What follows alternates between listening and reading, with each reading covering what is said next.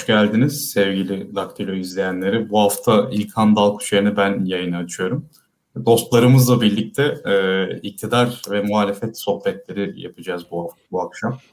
Parlamenter sisteme geçiş e, konusunu irdeleyeceğiz. Ama onun öncesinde de e, bu hafta muhalefet liderlerinin yaptığı çıkışları değerlendireceğiz. HDP ve iktidar arasındaki gerilimi de ele alacağız. E, konuklarımız Kemal Büyükyüksel, e, Koç Üniversitesi'nde doktora araştırmacısı. Benim liseden ve doktoradan arkadaşım, dostum. Gürkan da e, hukukçu yazar diyelim. Kimliği sürekli değişiyor yaşadığı talihsiz O da dostumuz. Hep beraber bu akşam güzel bir yayın yapacağız. E, ben öncelikle e, bu haftaki muhalefet liderlerinin çıkışlarını nasıl gördüğünüzü, nelerin dikkatini çek, nelerin dikkatinizi çektiğini merak ediyorum. Gürkan senle başlayalım istersen. E, herkese selamlar. Hmm, ya ben e, aslında bunu hemen hemen her çıktığım platformda dile getirmeye çalışıyorum. E, geçen hafta muhalefet tarihin akışını değiştirdi. E, özellikle Akşener çok beklenmedik e, bir vakur ve bir feraset içerisinde e, bir söylem geliştirdi. Elbette Kılıçdaroğlu ondan önce bir şeyler söyledi. Yani şöyle ifade edeyim. Yaklaşık 4-5 yıllık bir siyasi siyaset bir paradigma üzerinden ilerliyor. Bu ne? Ee, iktidar e, her daim içeride ve dışarıda politika üretmekte zorlandığı için hamaset ve şovanizme dayalı bir dil geliştiriyor. Ne zaman sıkışsa ve bütün açıklarını, gediklerini e, bu dil üzerinden muhalefeti de ipe dizerek yok ediyor. Ve muhalefeti bir nevi kendisinin bir aracı haline getiriyor. Yani ya bir senaryo yazıyor. Muhalefet burada bu figüranlığı kabul ediyor. Veyahut da işte iktidarın hani lokomotifine vagon oluyor. Ama işte geçen hafta özellikle Gara'da e, Allah bir kez daha Allah'tan rahmet dileyelim. E, şehitlerimizden sonraki süreçte beklenmedik bir şey oldu. Ki iktidar e, kusurunun da farkında olarak e, Süleyman Soylu'yu ve Hulusi Akar'ı e, muhalefeti ziyarete gönderdi. Bu olacak işte değil. Daha önce de zaten pek olmuşluğu da yok. E, bunu neden yaptı? Mevcut eksikliğini e, ve eylemindeki e, kısmi başarısızlığı örtbas etmek için yaptı. Ama e, gerçekten şaşırdım e, ve geleceğe dair ümitlerim arttı. Muhalefet bu oyuna gelmedi e, ve ilk defa kendisi bir çıkış gösterdi. Kendisi bir oyun kurdu. Kendisi bir politika refleksinde bulundu. Ve hamasetin, şovanizmin diline yenilmedi. Ve bu neye yol açtı? Bu iktidarın e, bir anda e, abondane olmasına yol açtı. Sudan çıkmış balığa döndürdü. Hatta ben e, bu boksta bu grogi deyimi vardır. Yani e, sağlı afalladı yani. Hani ayakta durmakta zorlandı ve e, tuhaf tuhaf çıkışlar gösterdiler. Bir hem Bahçeli suçlu varsa biz de varız dedi. Ondan sonra mesela Boğaziçi ile alakalı olarak e, Boğaziçi meselesinin gündemden yavaş yavaş düşmesine rağmen, popülaritesini yavaş yavaş kaybetmesine rağmen hala çok kıymetli bir duruşu orada devam ediyor ama bir anda gündemine onları aldı ve onlar üzerinden hiç olmadık bir dil kullandı. Son belki de 10 yıldır kullanmadığı bir dili kullandı. Bunların hepsi aslında ne yapacaklarını e, bilememelerinden kaynaklı. Ve e, burada Akşener'e ayrı bir sayfa açmak istiyorum. Şimdi bu yükselen işte sağ popülizmin e, durdurulabilmesi ve geri püskürtülebilmesi adına Kemal Kılıçdaroğlu son 3 yıldır 4 yıldır kıymetli bir duruş gösteriyor. E, kendi partisinin Şahin kanadını törpülediği gibi aynı zamanda Türkiye'nin farklı kimliklerine de kucak açıyor. E, bu da CHP külliyatında olmayan bir duruş ve olmayan bir e, bakış açısı. Ama esas oyunu bozan, iktidarın esas oyunu bozan Akşener oldu. Şimdi hakkını teslim etmek lazım ve e, zaten ancak da sağ içerisinden birisi, bir sağ lider. Bu Babacan da olabilirdi, Davutoğlu da olabilirdi. Ama bunu Akşener yaptı ki aslında onlardan da çok çok daha güçlü bir siyasi lider figürü gösteriyor şu ana kadar. Ee, mesela Demirtaş'la alakalı kan davası örneği. Sonrasında yine hakeza böyle e, terörize eden birkaç cümle kullanması HDP ve Demirtaş'ı bu gerçekten ülkenin e, geleceği adına sağlıklı bir dil değildi ama Gara olayında bunu kırdı Akşener.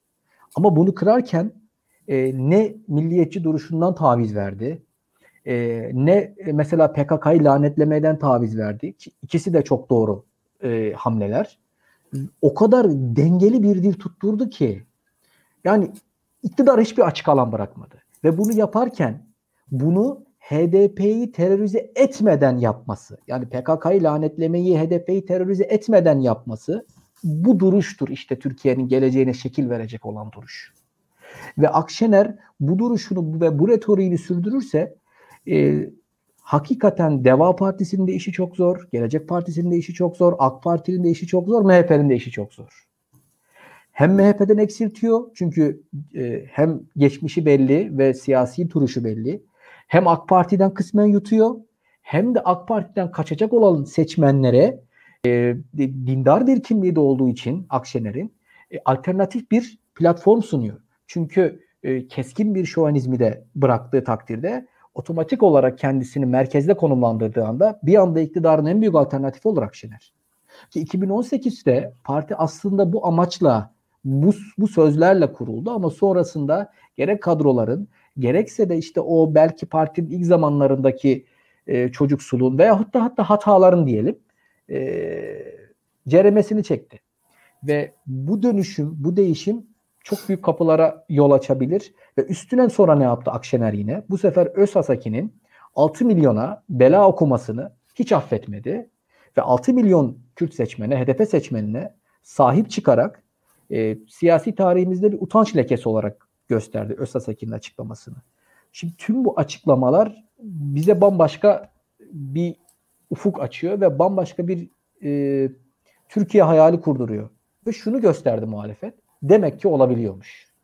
Demek ki istenirse hakikaten oyun kurucu pozisyonuna geçilebiliyormuş. Hamasetin dili kırılabiliyormuş. Hakikaten çok kıymetli. E, HDP'nin çıkışına bence o çok hafife alınıyor.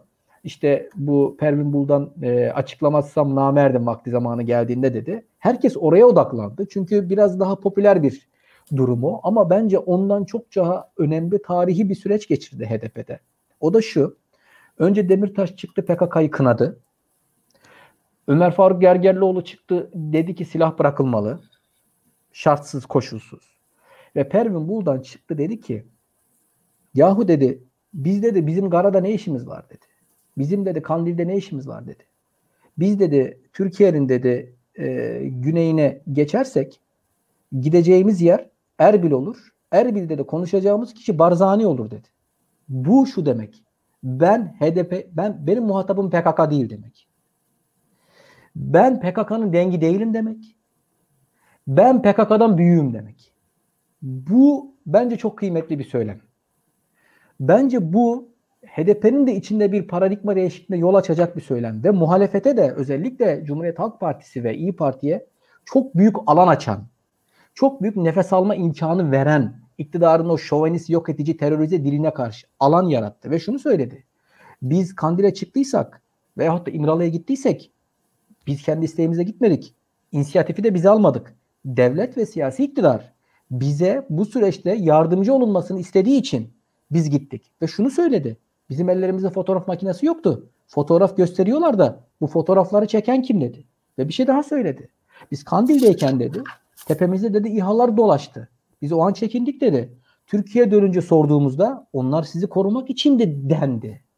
E şimdi bir yandan siz çıkacaksınız Kandil Mandil e, efeleneceksiniz iktidar olarak. Sonra Kandil'in üzerinde İHA'lar uçuracaksınız. Ve koruma maksatlı uçuracaksınız HDP'ye. Bu şekilde söylenmiş bu.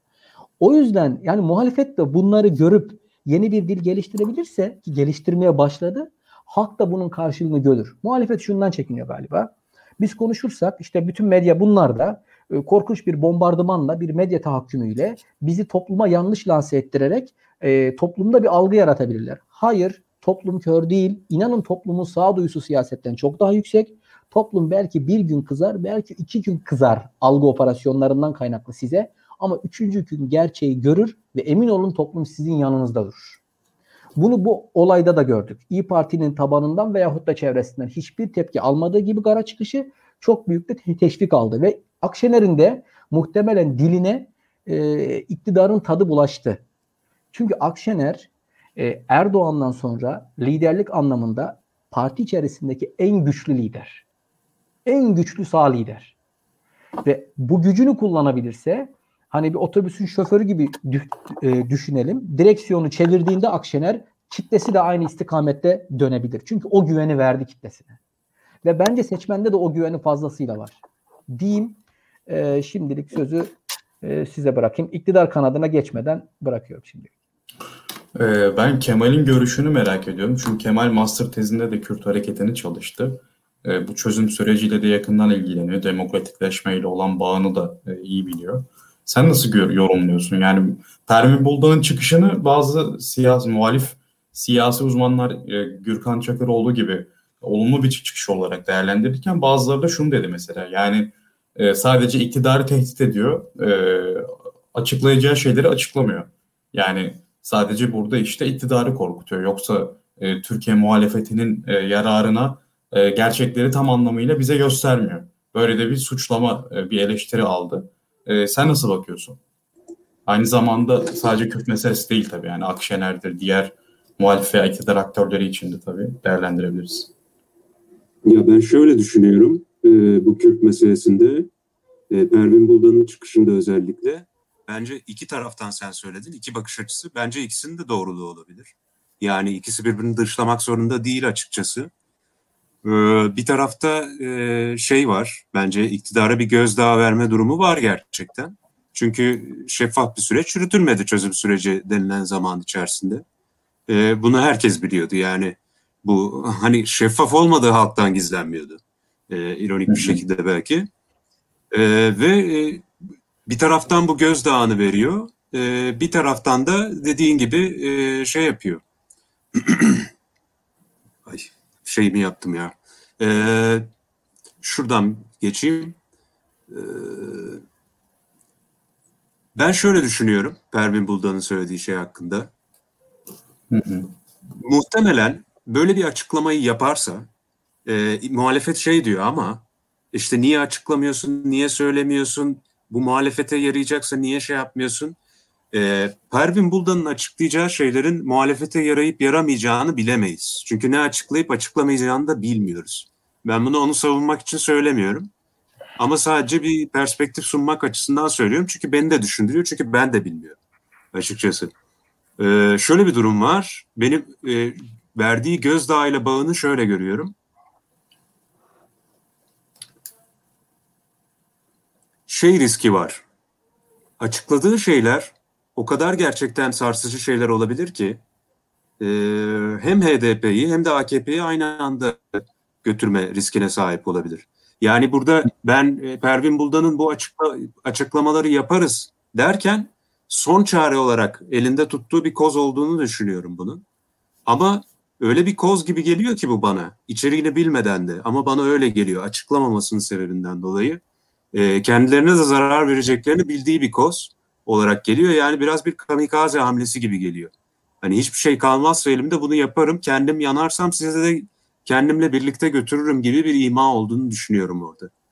O açıdan hmm. yani açıklanacak şeyler açıklansa herkesin yararına olur, çok iyi olur demek e, çok emin değilim bu söylemden. Çünkü Türkiye'yi çok karıştırabilecek şeyler de ortaya çıkabilir. Şeffaf yürütülmeyen bir sürecin içerisinde neyin alıp neyinin verileceği, kimlerle temas halinde olunduğu, ne gibi teklifler sunulduğu, iki tarafta ne gibi e, e, planlar ve hayaller konuşulduğu. Şu an Türkiye'nin gündemine gelirse e, bence iki tarafta da çok büyük zarara yol açar. Yani muhalefet bunu şey olarak görmemeli sadece. Açıklanırsa bu iktidara zarar verir değil. Bu AKP ile HDP arasında bir şey. Tabii ki de bizi ilgilendiren bir şey e, seçmen olarak. Ve ben de bilmek isterim.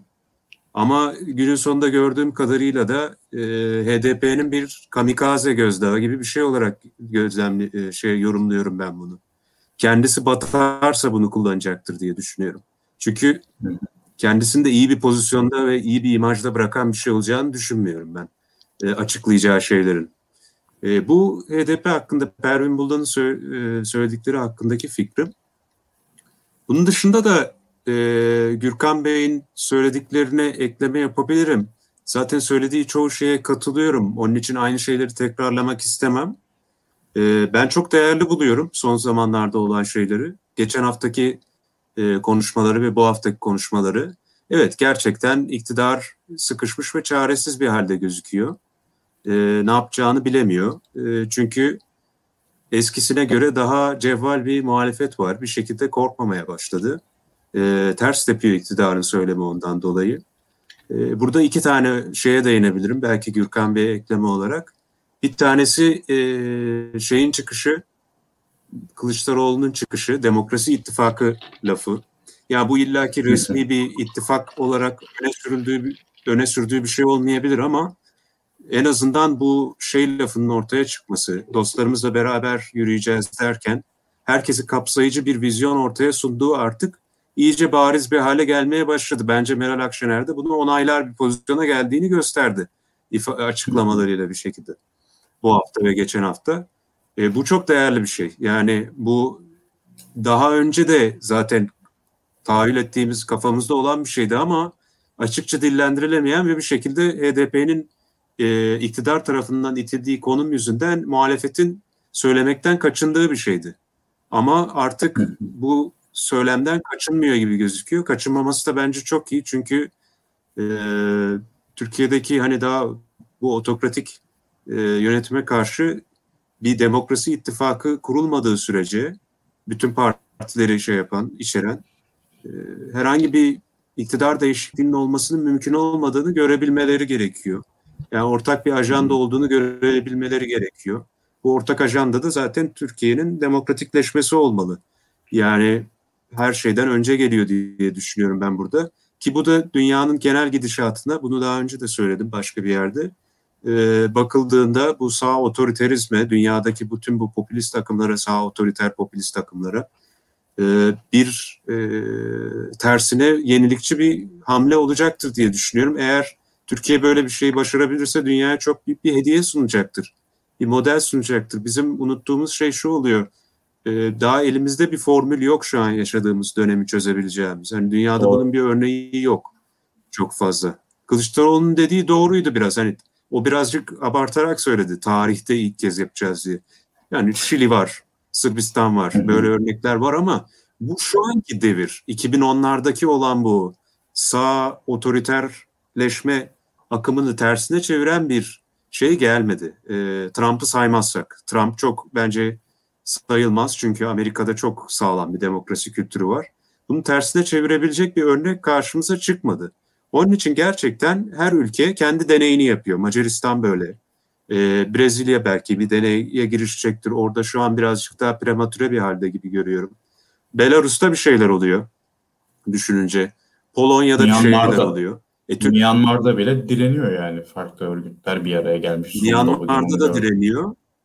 E, evet aynen öyle. Ben yavaş yavaş açıkçası Hindistan'da bile görüyorum yani bu işçi eylemlerinden, işçiden pardon çiftçi eylemlerinden e, yola çıkarak hani bir toplumsal muhalefet, toplumsal direniş havasının orada da Modi'ye karşı yükseldiğini görüyorum. Her toplum kendi deneyini oluşturuyor ve bir şekilde en de sonunda biri ilk olarak çıkacak bunların arasından. Hani bu bir yarış ya da hani kazanmamız gereken bir yarış gibi söylemiyorum ama Türkiye'nin dünyaya sunabileceği çok önemli bir hediye var burada. Ve e, biz de aslında bunun deneyini yapıyoruz burada. Tabii ki de burada insanların hayatlarından bahsediyoruz ama e, Türkiye'nin bu şeyi başararak e, dünyaya sunabileceği hediyenin ne kadar değerli olduğunu unutmamak gerekiyor diye düşünüyorum. O açıdan e, muhalefetin birbirine kenetlenmesi, bu aralarındaki sorunları çözmeleri ve iktidarın herhangi bir şekilde söyleminin arkasını düşmemeleri çok değerli. Yani başka türlü zaten dünyanın gidişatına bakarsak özgün bir şey ve yenilikçi, çarpıcı bir şey çıkmayacak gibi geliyor. Yani zaten dünyada bir aranan şey bu. Ee, sağ otoriterizme karşı e, mutabakatı sağlayan demokrat bir şey çıkacak mı? e, direniş ve mücadele başarılı olacak mı? Dünya bunun haberini bekliyor bir yerden. E bir biri yapacak yani bunu. E Türkiye'nin bunu yapmak için yolu belli birazcık gerçekten. Yani bütün grupların kenetlenmesi gerekiyor diye düşünüyorum. E, son olarak da burada şeyin önemini söylemek istiyorum. E, o değinilmediği için. Muhalefetin birazcık daha cevval davranmasında bence şeyin de bağı olduğunu düşünüyorum. E, Boğaziçi eylemlerinin. E, bu arka planda duran bir şey. Gürkan Bey de bahsetti. şöyle bir önemi olduğunu düşünüyorum. Orada birazcık daha muhalefet çekimser kaldı. Çünkü hala daha bu safhaya geçilmemişti. Muhalefetin iktidardan korkmayarak ve korkmadan ses getirebileceğini fark ettiği safhaya gelmemiştik. Aslında çok hızlı ilerledi bunların hepsi son bir ay içerisinde. Ee, geçen hafta kırıldı Gürkan Bey'in de dediği gibi bence. Büyük bir kırılma yaşadı Türkiye ama onun arkasındaki olayın da ne olduğunu unutmamak gerekiyor. Onun hemen arkasında olan olaylar Boğaziçi olaylarıydı. Yani o, o onunla onun arasındaki ilişkiyi görmezden gelmek e, birazcık şey olur. Eksik kalır gibi geliyor. Burada e, Boğaziçi olaylarında muhalefete gelen tepki, öfke birazcık muhalefeti yönlendirmiş gibi geliyor. Hani korkmayın artık, yeter artık. Hani bir araya gelin, bir şeyler söyleyebilin. Bu kadar korkmayın. İktidarın yarattığı bu büyü, e, bu sahte e, e, arkasına takılmayın. Kimseye bir şey kanıtlamak zorunda değilsiniz e, gibi baskıları ve özellikle mesela Faik Öztürk gibi figürlere gelen tepkiler bence muhalefete de bir şeyler göstermiş gibi gözüküyor. Yani bunun etkisinin olduğunu düşünüyorum. Bu açıdan Türkiye'de toplumsal muhalefetin de Türkiye'nin demokratikleşmesi için çok değerli olduğunu düşünüyorum. Şu ana kadar hep e, elit bazda ve siyasi partiler bazında gitti bu tartışma ama yavaş yavaş bir sivil muhalefet ve sivil toplumun da öne çıktığını görüyoruz yeni ilerleyen süreçte. Bunun demokratikleşme için inanılmaz önemli olacağını düşünüyorum. Ondan dolayı bu ikisinin birbiriyle etkileşimi halinde e, birbirini destekleyen, bazen birbiriyle antagonistik ilişkiler içine girebilen ama sonuçta birbirini besleyen bir sağlıklı ilişki kurabileceğine inanıyorum. Şimdilik burada bırakayım. Ee, İlkan'a şöyle bir soru sorayım. İlkan sağlam şu an değil mi bağlantı?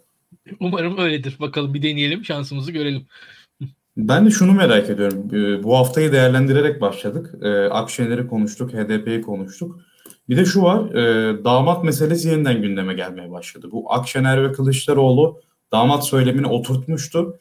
CHP Berat Albayrak üzerine akıllıca bir hamle yaptı ve Erdoğan e, Albayrak'ı savunmak zorunda kaldı. Şimdi benim burada merak ettiğim şey var. Sen AK Parti'nin iç siyaseti konusunda daha uzman bir yorumcusun. E, yani neden mesela Berat Albayrak'ı savunma gereği neden duyuluyor? Ya halbuki biliniyor ki anketlerden illaki Erdoğan görmüştür. Berat, Berat Albayrak'ın %35'i geçtiği bir anket yoktur muhtemelen yani olumlu algı babında. Hazır unutulmuşken niye tekrar hatırlatıyor Berat Albayrak? Şimdi e, Berat Albayrak niye tasfiye oldu? En basit soruyla girelim. Yani Berat Albayrak aslında e, bir şekilde tamam sebeplerinden bir tanesi AK Parti tabanında o anlattığın anketlerde gözüken e, neticelerin gerçekleşmesiydi. Yani hiçbir şekilde sevilmemesiydi. Sempatisinin sıfırın altında olmasıydı. Ama şu var Berat Albayrak'ın tasfiyesi ne bu bir şekilde bir zemin hazırladı. Ancak Berat Albayrak sonuçta kendi çatı, yarattığı ya yaşadığı çatışma neticesinde tasfiye oldu. O çatışmalar olmasaydı Berat Albayrak e, yani hayata devam edecekti. Şimdi devam edelim. Geçen hafta başka neler oldu? En basitinden işte Süleyman Soylu gitti A Haber'e konuştu mesela. En basit. Yani ve, ve orada o şunu demişti. Hayatımda ilk defa A Haber stüdyolarına geldim demişti. Yani Süleyman Soylu hayatında ilk defa A Haber yani 10 yıldır AK Parti'de ilk defa A Haber'i görüyordu. Yani demek ki 10 yıldır hiçbir şekilde A Haber'e gitmemiş bile Süleyman Soylu. Demek ki 10 yıldır aslında olmayan bir ilişki bugün kurulmuş. Şimdi e, devam edelim. Demek ki bugün o ilişkiyi kurmak zorunda kalmışlar ki kurulmuş.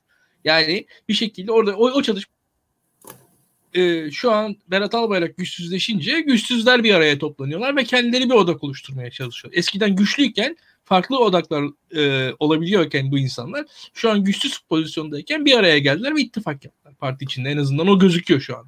E, devam edelim.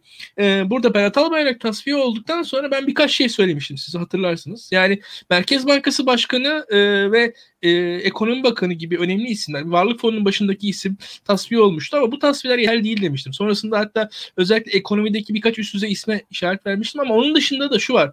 Yargı emniyet yani Berat Albayrak aslında sadece ekonomiyi yöneten bir figür değildi ki. Berat Albayrak Türkiye'nin gölge başbakanıydı. Yani yargıya da Berat Albayrak ciddi şekilde hakimdi ki burada Adalet Bakanı yaşadığı çatışma yargı üzerinden ortada gözüküyordu. Bırakın onu İstanbul Emniyet Müdürü ile İçişleri Bakanı arasında çatışma vardı Türkiye'de birkaç yani 6 ay öncesine kadar neredeyse. E biz bunu da aynı şekilde Berat Albayrak Süleyman Soylu çatışmasıyla görüyorduk. Yani ya Berat Albayrak'ın e, Adalet Bakanlığı'nda, İçişleri Bakanlığı'nda da bir karşı karşılığı belli. Hürriyet grubu, Sabah grubu, Berat Albayrak'ın bir şekilde kontrollü e, en azından ne diyelim e, bir şekilde vaziyet ettiği bir şekilde idare ediliyor en azından. Onun e, onayı e, çerçevesinde idare ediliyor. E şimdi medya, emniyet ve şey e, yargı e, ekonomi yönetimi tamam önemli ama hani paranın para musluklarının başında olunması ki buna şeyleri falan daha eklemedim ben. Yani AK Parti'ye yakın dernekler vesaire orada vakıflar burada da bir etkinliği var aslında. Böyle o, ona yakın öyle bir e, yapı da var. E, şimdi buradan hatta şöyle söyleyeyim e, belli bazı bakanlar da yakında hatta yani o, o tarz bir şey de vardı. Şimdi bütün bunları düşünüyorsunuz ya Berat Albayrak gitti iyi de bütün bunların hepsi yerinde duruyor. Yani orada Merkez Bankası Başkanı değişti. Naci Ağbal geldi. Önemli figür. Belli oluyor. Yani orada görüyorsunuz orada bir ağırlığı olan figür olduğu göz. Yani orada bir e, kukla değil. Ama onun dışındaki bütün figürler orada duruyor. Şimdi e, kolay değil. Şimdi o, o diğer figürlerin hepsi birden değişseydi tamam derdik. Berat Albayrak bundan sonra hani bir aile babası olarak hayatına devam ettirir. Kendi işte özel sektör işlerini yapar falan. Pek de öyle anladık. Yani Sabah gazetesi o tarihten bugüne bakalım ne yapmaya başladı. Bir, e, ekonomiye dair nispeten işte gene fırsatçı, esnaf vesaire marketler şunu yaptı bunu yaptı o haberler başladı. Sabah gazetesinde esasında biraz bir ekonomi eleştirisi alttan alttan görmeye başladık biz dolaylı yoldan aslında. E, e devamında şu var e, Adalet Bakanlığı üzerinden daha ziyade e, reform eleştirisi başladı. Osman Kavala gibi figürler üzerinden yine sertlik yanlısı yayınlar başladı. Burada aslında bir Süleyman Soylu yakınlaşma oldu. Yani eski rakipler yan yana geldiler bu tasfiyeden sonra. Ve biz bunun sonuçlarını gördük. Berat Albayrak'a da muhalefetin bu açıdan sürekli şekilde hatırlatıcı bir şekilde vurması da e, dolaylı yoldan şu. Berat Albayrak kimdir dediğiniz anda e, bir kişinin damadıdır. İster istemez Tayyip Erdoğan'ı hatırlatıyor ve buna iktidar cevap vermek zorunda. Yani böyle cevap vermek diye bir şey imkanı yok ki şöyle söyleyelim e, yani Berat Albayrak'ın adının anılmadığı bir dönem vardı. Hatırlayalım yani orada e, hemen hemen Aralık Ocak civarında iktidar medyası unutturma stratejisi güttü. Ve muhalefet de bir yerden sonra esasında bu stratejiyi fark ettikten sonra daha ziyade daha üzerine gitmeye başladı. Hatırlatma üzerinden gitti ki yani burada şöyle bir şey var. Berat Albayrak'ın göz önünde olmadığı her an zaten bu hikaye biz şu anda Berat Albayrak tekrar kameralar önüne çıkacağı günü bekliyoruz. Nasıl çıkacağını beraberce göreceğiz. Ben merak ediyorum şahsen. Çünkü Berat Albayrak'ın göz önünde olmadığı her gün biz daha çok Berat Albayrak mesela Berat Albayrak savunan her AK Partili Berat Albayrak daha fazla hatırlatacak. Ya tamam evet. yani burada bu paralar nereye gitti falandan dedi. Ya Berat Albayrak nerede? Çok daha basit bir soru aslında. Yani bu bu sorulmaya devam edecek. Daha çok sorulacak. Ee, ve burada İş zaten hani AK Parti burada topa girdiği andan itibaren bu bize Berat Albayrak'tı. Bu, bu denklem böyle devam edecek ki e, bir noktada da e, Berat Albayrak da kendisini bir yerde gösterecektir diye düşünüyorum ben. Ha ne olur? E, ya burada hatta şöyle söyleyeyim. Bence mesela e, kimi ekonomi e, spekülasyonları falan yapılıyor burada. Yani ben açık konuşayım. Berat Albayrak'ın gidiş, gid, yani gidişi ya da gelişinin faiz oranlarına bence alakası olmayacaktır. O konuda ekonomi çevrede rahat olsunlar. Buradan onlara mesela tam ekonomi e, yatırım tavsiyesi değildir ama e, biraz rahat olmalarını tavsiye ediyorum. Onu söyleyebilirim bu açıdan. Yani bu iş öyle birebir ekonomik e, bağlamdan ziyade daha ziyade adalet, emniyet gibi alanlar üzerinden okunmalıdır diye düşünüyorum. E, şimdilik bu kadar. E, Adalet Bakanlığı ve bu o alandaki anayasa tartışmaları üzerinden Berat Albayrak hikayesini okumak gerekir diye düşünüyorum. Bu arada Hı. ben yayına pek bağlanamıyorum da bağlanabilenler yayını paylaşsınlar, izlesinler. yani RT'lesinler onu söyleyelim. Ee, evet beğenin, beğenin yayınımızda izleyenler lütfen. Ee, şimdi sen güzel bir yere getirdin konuyu. AK Parti'de e, Biden'ın kazanması ve Albayrak'ın gidişiyle birlikte reform söylemleri hakim olmaya başlamıştı ama karışık sinyaller geliyor. Yani reform dedikçe Bahçeli Şahin açıklamalar yapıyor. Süleyman Soylu e, zaten hem Şahin açıklamalar ve politikalar Boğaziçi olaylarında ve Kürtlere yönelik hamlelerde görüldüğü üzere e, oldukça diş gösteren bir e, tarz içerisinde. Ama diğer yandan da Adalet Bakanı sürekli reform gündeminde. E, onun yanında e, İhsan Arslan'ın açıklaması var. AK Parti milletvekilinin e, daha batı yanlısı, özgürlükçü ve demokratçı, demokrat bir anayasa e, inşa e, sürecine girileceğini söyle, söyledi kendisi. Fakat Bahçeli anayasa konusunda ise işte Cumhur İttifakı'nın şu anki prensiplerinin e, tamamen e, yerleşeceği bir metinden bahsetti. E, burada nasıl görüyorsun? İlkan senle mi başlayalım yoksa Gürkan'dan devam mı edelim?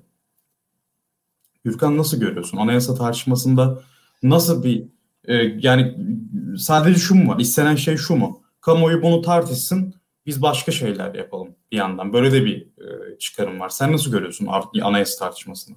Ya boş bir tartışma. Yani en net, en direkt tabirle bunu kullanayım. Yani şunu söyleyeyim. E, iktidar siyaset yapamıyor. Bahçelisiyle, Erdoğan'ıyla veyahut da bütün figürleriyle. Zaten e, AK Parti içerisinde Erdoğan'dan başka siyasetçi yok. Yani baktığınızda bugünün popüler figürleri İbrahim Kalın, Fahrettin Altun, Süleyman Soylu dahil bunların hiçbirisi siyaset yapmıyor. Ya bunların hepsi e, olabildiğince e, militarist söylemlerle işte emniyet, asker ve yargı üzerinden e, çeşitli söylemler geliştirerek e, dışarıda yine işte Yunanistan, Suriye, Azerbaycan üzerinden içeride de HDP'yi e, bir terör meselesi, CHP'yi de bir milli güvenlik meselesi haline getirerek siyaset yapmaya çalışıyorlar. Çünkü AK Parti'nin hikayesi bitti. AK Parti'nin topluma vaat edebileceği herhangi bir şey yok. Ve hani bunu bugün başka bir yerde de ben dile getirdim. AK Parti eksi Erdoğan eşittir sıfır.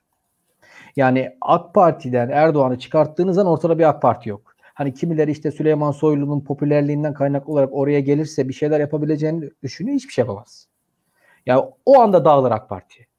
Ve o yüzden bütün o kurumlardaki işte Fahrettin Altun'udur, İbrahim Kalın'ıdır çok büyük bir e, sevgi e, seliyle Erdoğan'a olan bağlılıklarını dile getiriyorlar ve onu kutsuyorlar. Ve mesela işte bugün İstanbul Kongresi işte milli görüşten birisi geldi. Yani gömleği çıkartarak AK Parti oldular. Tekrardan gömleği giymeye yelteniyorlar. Yani bu hikayenin bittiğini gösteriyor zaten. Yani en basitiyle bu. Hatta o kadar kafada bitmiş ki psikolojik olarak. E, çekirdeği kaybetmeyelim. Yani onun derdine düşmüşler. Yani bu, bu bence psikolojileri hakikaten iyi değil. Ve bilinçaltıları zuhur ediyor eylemlerine. Bahçeli'nin Boğaziçi'li öğrencilere sahip çıkması daha iki hafta önce başları, e, başları ezilesi yılandı bunlar. E şimdi ne oldu da bir anda böyle bir e, sevgi bu iş dönüştü? İşte bunu yapan muhalefet oldu. Muhalefetin oyunu bir defa bozması ki bu ilk defa oluyor. Uzun bir zamanda 4-5 yıllık bir zaman zarfında. Bir defa oyunu bozdu. Bir anda böyle ne yapacaklarını bilemez bir e, halde oraya buraya tutunmaya çalışıyorlar. Ve Erdoğan'ın işte bu kongrelere bu kadar önem vermesi, pandemiyi yok sayarak yokmuş gibi böyle şaşalı falan salonlar yani o salondaki şatafat bile artık AK Parti'nin e, nasıl söyleyeyim hani milletin değerleriyle, acısıyla veyahut da haliyle hem hali olmadığını çok başka bir gündeme olduğunu gösteriyor. Ve hani bu kadar ciddi bir ekonomik kriz varken ve salgın bu kadar yoğunken bu şatafatı millet görür.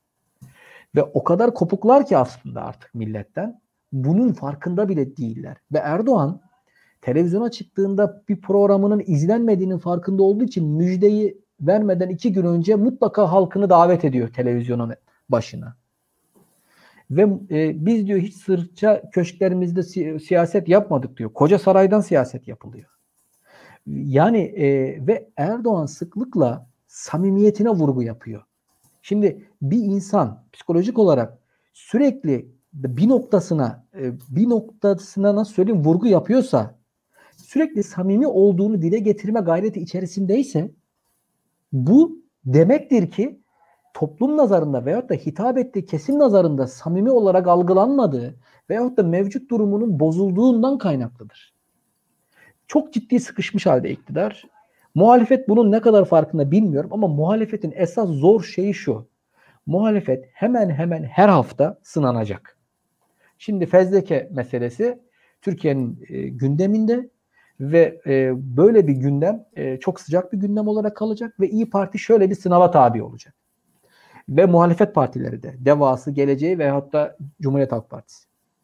Siz bir yandan Türkiye'de e, adaletsizlikler tap yaptı. Uluslararası hukuk endeksinde Türkiye son 10-15, son 20 ülkeden biri derken diğer yandan kendi milletvekilinize veyahut da kendi genel başkanınıza atılan iftiralar veyahut da yapılan hukuksuz yargılamalara isyan ederek Türkiye'de mahkemelere güven kalmadı. Türkiye'de adalet yok dedikten sonra tutup HDP'li milletvekillerini aynı yargıya emanet ederseniz siz kendinizi inkar edersiniz. Yani bu, bu, bu büyük bir çelişki olur. Yani size gelince adaletsizken sistem e, HDP'ye gelince adil mi oluyor? Hayır.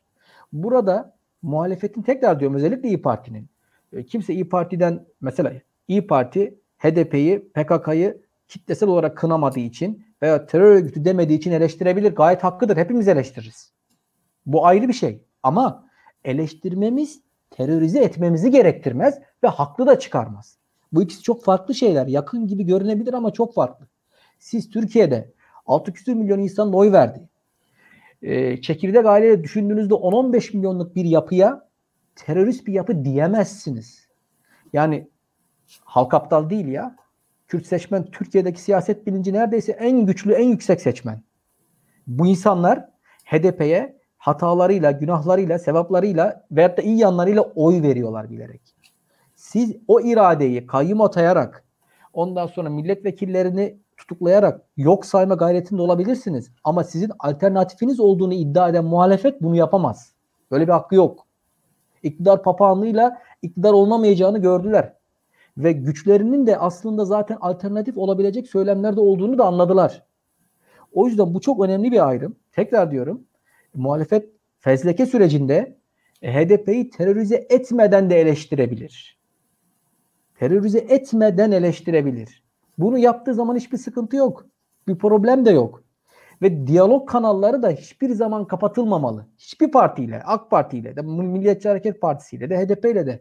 Çünkü siz Türkiye parlamentosunun 3. büyük partisine bu muameleyi yapamazsınız. Esas hani biz PKK kanlı bir terör örgütü de biz onu lanetliyoruz ya. İşte ve PKK'nın yok olmasını istiyoruz ya. İşte bunun için HDP'ye alan açmamız lazım. Bizim eğer bu niyetimizde biz samimiysek ve biz PKK'nın yok olmasını istiyorsak HDP'ye alan açmamız lazım. Ki zaten 1990'larda PKK büyüktür Kürt siyasal hareketi artık içinden geçtiğimiz zamanda Kürt siyasal hareketi büyüktür PKK. Bunun farkına bence Kürt siyasi hareketi de vardı. Ve bundan kaynaklı muhalefet bunun da bilincinde olacak şekilde olayları e, olaylara bir bakış açısı geliştirmeli ve onun üzerinden söylemlerde bulunmalı. Bu çok önemli bir fark ve bence e, esas fay hattı bunun üzerinden gidecek Türkiye siyasetinde.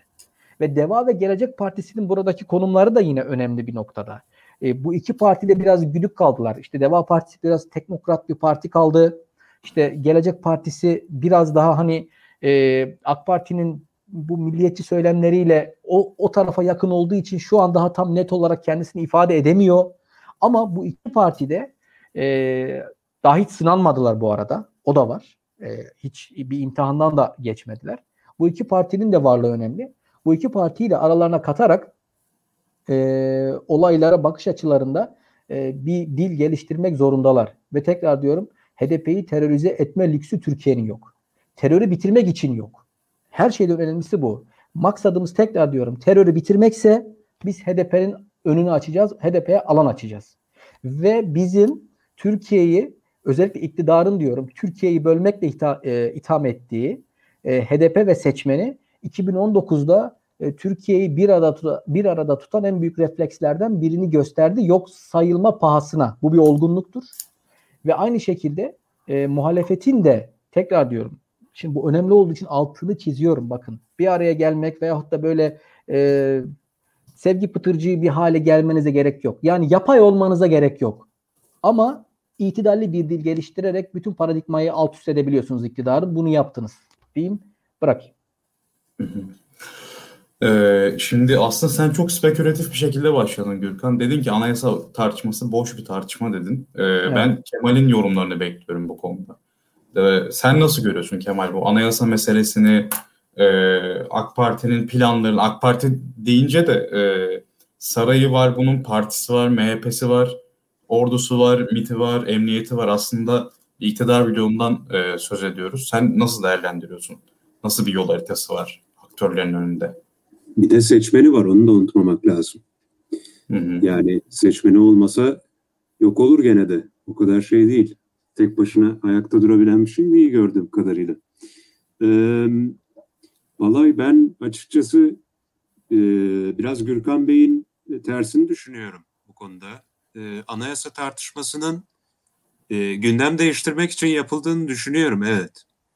Yani bu kadar ekonomik kriz varken, bu kadar sıkıntı varken bu konunun açılmasının e, gerçekten hani olayı başka bir noktaya çekmek olduğunu görebiliyorum. Ama bunu aynı anda gündem değiştirme olarak görürken suni olarak da göremiyorum. Çünkü açılan konu o kadar Türkiye'nin ana damarlarıyla alakalı bir konu ki Türk toplumunun, Türkiye tarihinin e, e, yani 150 yıllık bir modernleşme tarihinden bahsediyoruz. Belki de daha da geriye götürebileceğimiz. Ve burada e, değişik toplumsal kesimlerin çatışan toplum tahillerinden bahsediyoruz. Onların yaratmaya çalıştığı toplumsal bütünlükten bahsediyoruz. E, burada daha uzun bir hesaplaşmanın e, olduğu bir konu olduğunu düşünüyorum ben. E, bu konuda samimi derdir değillerdir onu bilemem. Ama benim vurgulamak istediğim şey seçmenlerdi bundan dolayı. Çünkü bu konuda seçmenler, e, bu konuda yönetici elitler samimi olmayabilirler. Ama seçmenleri bu yönde tetiklerlerse e, bu o kadar hassas ve e, toplumun bam teline dokunan bir konu ki e, gerçekten bir meseleye dönüşebilir gibi geliyor bana. E, burada anayasa tartışmasından da tabii ki de kastım benim burada. En çok hani laiklikten bahsediyorum ben. Yani geleceği nokta orasıdır diye düşünüyorum. Açarlarsa onu açarlar tartışmayı. Zaten ilk dört maddesi gibi şeyler açıldı, konuşuldu. E, Ayasofya'nın e, baş imamıydı galiba. Böyle bir açıklama da yaptı kendisi. E, işte laikliği düşünebiliriz. Daha önce de böyle açıklamalar vardı. Bu zaten e, Türkiye'deki seküler kesimin bir paranoyasıydı. E, bu paranoya oynuyorlar. Aynı anda da mütedeyyin kesimin, muhafazakar kesimin bir kısmının, hepsinin demiyorum, e, bir kısmının da e, belki de ilgisini çekebilecek bir söylemdi. Yani şimdi şöyle bir durum var burada. AK Parti'nin ve iktidarın yıllarca kutuplaşma taktiğini kullanarak e, bir şekilde bir şeyleri başarmaya alıştığını düşünürsek bu bunu niye denemesinler ki diye düşünüyorum. Ve şunu da diyoruz hep. Her kutuplaştırmaya çalıştıklarında genellikle e, böyle bir kavga çıkarmaya çalıştıklarında e, hep belki de şey olarak görüldü. Ya işte gerçek gündem bu değil. İşte başka meseleler var. Ama bakıyoruz ki istediklerini aldılar. Yani anayasayı değiştirdiler. Ondan sonra başkanlık sistemini değiştirdiler. Yani daha doğrusu parlamenter sistemi kaldırdılar. Türkiye'nin sorunları bu değil, değil, değil dedik sürekli olarak. Ama her değil dediğimizde de onlar istediklerini geçirdiler. Ondan dolayı ben çok şey yaklaşamıyorum bu konuda. Rahat olamıyorum. Ee, hani biz gerçek gündem ekonomi derken o arada bunu geçirebilirler gibi geliyor yandan. Ya ben ee, zaten ee, boş mesele derken hani o e, önemsiz demedim. Sadece oradan e, yani bir anayasa çıkmayacak yani. Orada toplumsal uzlaşıya dayalı bir yapı çıkmayacak. Orada e, Kemal'in dediği gibi yani olursa işte laiklik meselesi veyahut da başka meseleleri içeren daha e, otoriter hatta totaliterizme yakın bir e, metni anayasa olarak geçirme niyeti var yani. O çok bariz zaten. Ben e, konu açıldıysa bunun hakkında iki şey söyleyebilirim. Bence burada iki senaryo var. Bu da aslında e, AK Parti'nin şu an gittiği iki yol ve seçeceği iki yolla da alakalı. Şimdi e, İlkan demin demişti. Bu e, Albayrak Soylu yakınlaşmasından bahsetmişti. Anladığım kadarıyla demin. E, bir taraftan da e, Abdülhamit Gül'ün ve aynı anda işte e, Numan Kurtulmuş tayfasının bir şeyi var, hamlesi var. Hakim olmak için AK Parti içerisinde ve aynı anda da İstanbul'da il başkanının hani aslında daha milli görüşe yakın ama milli görüşün de hani Abdülhamit Gül ve e, Numan Kurtulmuş'la çalışabilecek kafada olan bir insan ol, e, konulması meselesi var. Şimdi ben burada iki ihtimal görüyorum. Hı hı. E, diğer konuya da bağlayarak çok uzatmadan söylemek isterim. E, şunu söyleyeyim e, dipnot olarak. E, bence ki, şu noktadan da bakılmalı. Albayrak'la Soylu'yu bir araya getiren şey AK Parti'nin içerisinde böyle daha e, görece işte demokrat bir kanat işte çıkarmaya çalışan işte bu milli görüş eski milli görüşçülerden tayfanın ortaya çıkıp direkt e, otoriterizme bir yönetim modeli olarak böyle bir challenge sunmaları. e, tehdit oluşturmaları. Bence bu onları bir araya getiriyor. Çünkü e, Berat Albayrak'la Süleyman Soylu kendi aralarındaki iç çekişmelerini e, yönetim modeli belirginken yapıyorlardı ama Biden'ın gelmesiyle birlikte artık Türkiye'nin yönetim modelinin gerçekten bu olup olmadığı tartışması da ortaya çıkmaya başladı. Yani çok stabil değildi tamam anlıyorum bu başkanlık sistemi ama 2016-2020 arasında Trump'ın varlığıyla birlikte e, sarayın içerisinde daha otoriter diyeceğimiz yapıda bir yönetimin içerisindeki bir iç çekişmeler vardı. Şimdi hem otoriter bir yan var hem otoriter yana göre işte daha Amerika'ya yakınlaşabileceğimiz, daha böyle demokrat gözükebileceğimiz bir yan olarak challenge olarak Numan Kurtulmuş tayfası ve Abdülhamit Gül çıktı ortaya. Bence bu da eski e, çatışanları bir araya getiriyor. Çünkü e, yeni bir alternatif modeli AK Parti'yi başka bir şeye dönüştürme çabası var. Bu hem Süleyman Soylu'yu hem Berat Albayrak'ı ekarte edebilecek bir şey. Eğer olabilirse gibi geliyor. Yani en azından bir düşünce olarak. Ben şurada bunu söyleyebilirim bunun üzerinden. Anayasa tartışmalarının gidebileceği iki nokta var.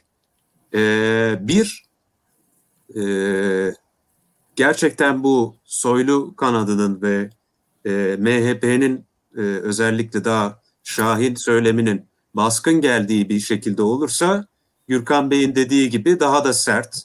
E, bugünkü Cumhur İttifakı'nın aslında ideasının e, hatta MHP tarafından daha da açık bir şekilde konan ideasının böyle metne dökülmüş bir hali ortaya çıkabilir. E, bu yani zaten hani çok e, hiç kapsayıcı olmayacaktır. Ama şöyle bir ikinci ihtimal de görüyorum ve bence o birazcık daha sinsi bir ihtimal olduğunu düşünüyorum. Onun da tehlikeli bir şey olduğunu düşünüyorum kişisel olarak. Ee, eğer bu daha görece demokrat kanat dediğimiz kanat, yani sözde demokrat diyorum neyse artık nasıl tanımlamak isterseniz.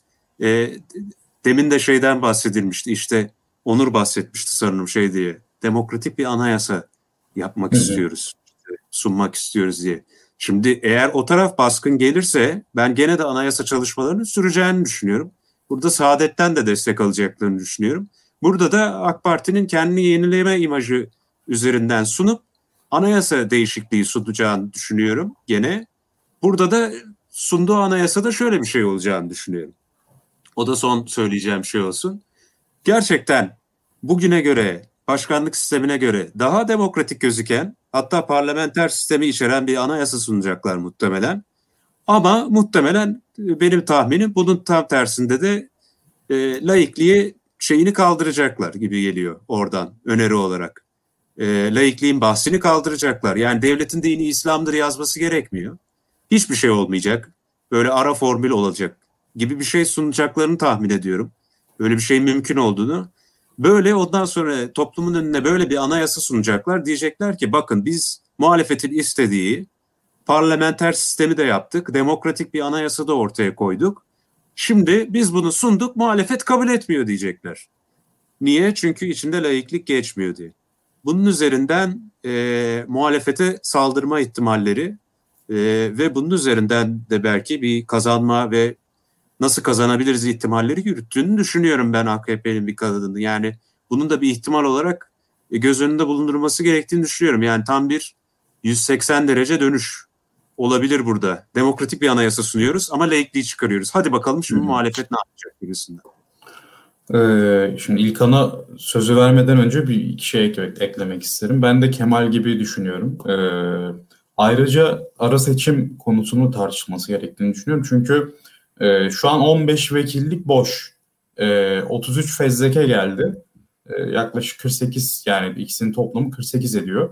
Bu 48 sandalye için e, seçime gidilirse eğer e, AK Parti buradan 21 sandalye kazanırsa e, AK Parti'nin meclis çoğunluğu yani 301 sandalyeye ulaşıyor AK Parti. AK Parti ve MHP de e, anayasa değişikliğinin referanduma götürecek seviyeye ulaşıyor. E, ben bu ara seçim konusunun ısıtıldığını düşünüyorum. AK Parti içinde de konuşulduğunu duyuyoruz.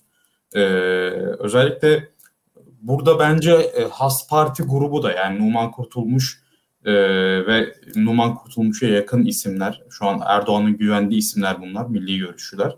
15 Temmuz sonrasında özellikle Bilal Erdoğan'a yakınlığı da burada önemli tabii bu isimlerin.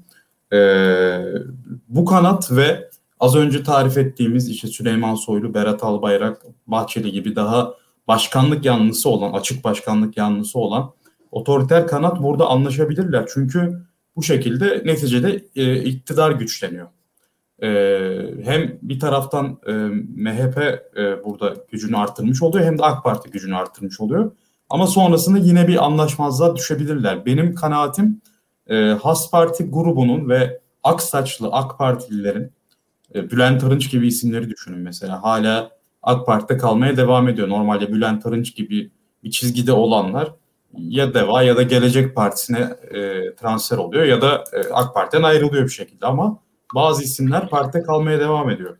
Bu isimler AK Parti'nin hala ne olursa olsun %25'in altına düşmeyeceğini ve bir şekilde birinci sırada olacağını dolayısıyla AK Parti'nin Erdoğan'ın parlamenter sisteme dönmesi gerektiğini düşünüyor. Belli bir kesim bunu ifade ediyor. Çünkü %50 artı bir formülünde e, Erdoğan'ın kısa vadede kazanması gerçekten çok zor görünüyor. Hele ki bu ekonomik e, kriz ve ekonomik krizle mücadele anlayışı hükümetin e, kendileri adına işleri çok zorlaştırıyor. Yani baktığınızda bugün e, her alanda adaletsizliği göstere göstere yapıyorlar. Yani pandemiyi düşünün. Pandemide yardım edilmedi. Dünyada sondan ikinci Meksika ile birlikte Türkiye pandemi yardımlarında. Ama hala Merkez Bankası'nın para basmasından kaynaklı e, kar etmesini olumlu haber olarak yapıyorlar. İşte Berat, Al Berat Albayrak döneminde ortadan kaybolan milyar dolarları savunuyorlar. E, bu halkın gözüne batıyor. Yani bu hakikaten partizan kimlik ayırt etmek sizin herkesin takılacağı bir mesele. Onu da iyi çözemiyorlar. Dolayısıyla ak saçlı diyelim tırnak içinde. Ak saçlı AK Partililer bence buradan çıkışın e, parlamenter sistem olduğunu görüyorlar. İlkan sen ne düşünüyorsun bu konuda? Ee, ya ben bazı konularda şu an sizden ayrıldım. Şöyle söyleyeyim. Birincisi e, yeni anayasa bağlamında benim gördüğüm tehlike laiklikten laiklik değil. Yani laiklikten bahseden AK Partililerin kendilerinin bir e, pazarlık içerisinde olduklarını el yükselterek AK Parti içerisindeki pozisyonlarını güçlendiklerini düşünüyorum ben onları. Ee, daha AK Parti'nin getireceği teklifin ise e, halkın çoğunluğunun e, bir defa onayını alacak bir içerik olması gerektiğini AK Partilerin bilecekleri bile, yani bileceklerini düşünüyorum ve orada da şu var AK Parti halkın çoğunluğunu nasıl sağlayabilir? Halkın çoğunluğunun onayını nasıl sağlayabilir? Bunu düşünelim. Türk halkının çoğunluğunun onayını Türkiye'de sağlayacak şey daha ziyade ne yazık ki birazcık yabancı düşmanlığı, birazcık xenofobi, birazcık böyle e, devletçilik üzerinden sağlanabilir. Mesela idam, e, atıyorum e, işte nükleer silah, e, veyahut da hani bu tarz konularda belki ben AK Parti'nin e, halkın çoğunluğunu yani hani eğer bir referanduma gidecekse referanduma evet çıkartacaksınız siz bu anayasa değişikliğine. Bu anayasa değişikliğinin içerisinde atıyorum mesela NATO'dan çıkıyoruz gibi böyle hani güçlü bir söylem içeren e, şeyler olabileceğini düşünüyorum. Ben daha ziyade dışarıya karşı biz onlar ikiliğini Türkiye içerisinde kurduğu zaman AK Parti şu an tam anlamıyla kazanamıyor. Ama biz onlar ikiliğini Türkiye'liler, Türkler ve yabancılar olarak kuracağı bir anayasa değişikliği e, bence geçer. Yani Türkiye ne yazık ki şu an onu ben seziyorum yani açıkçası.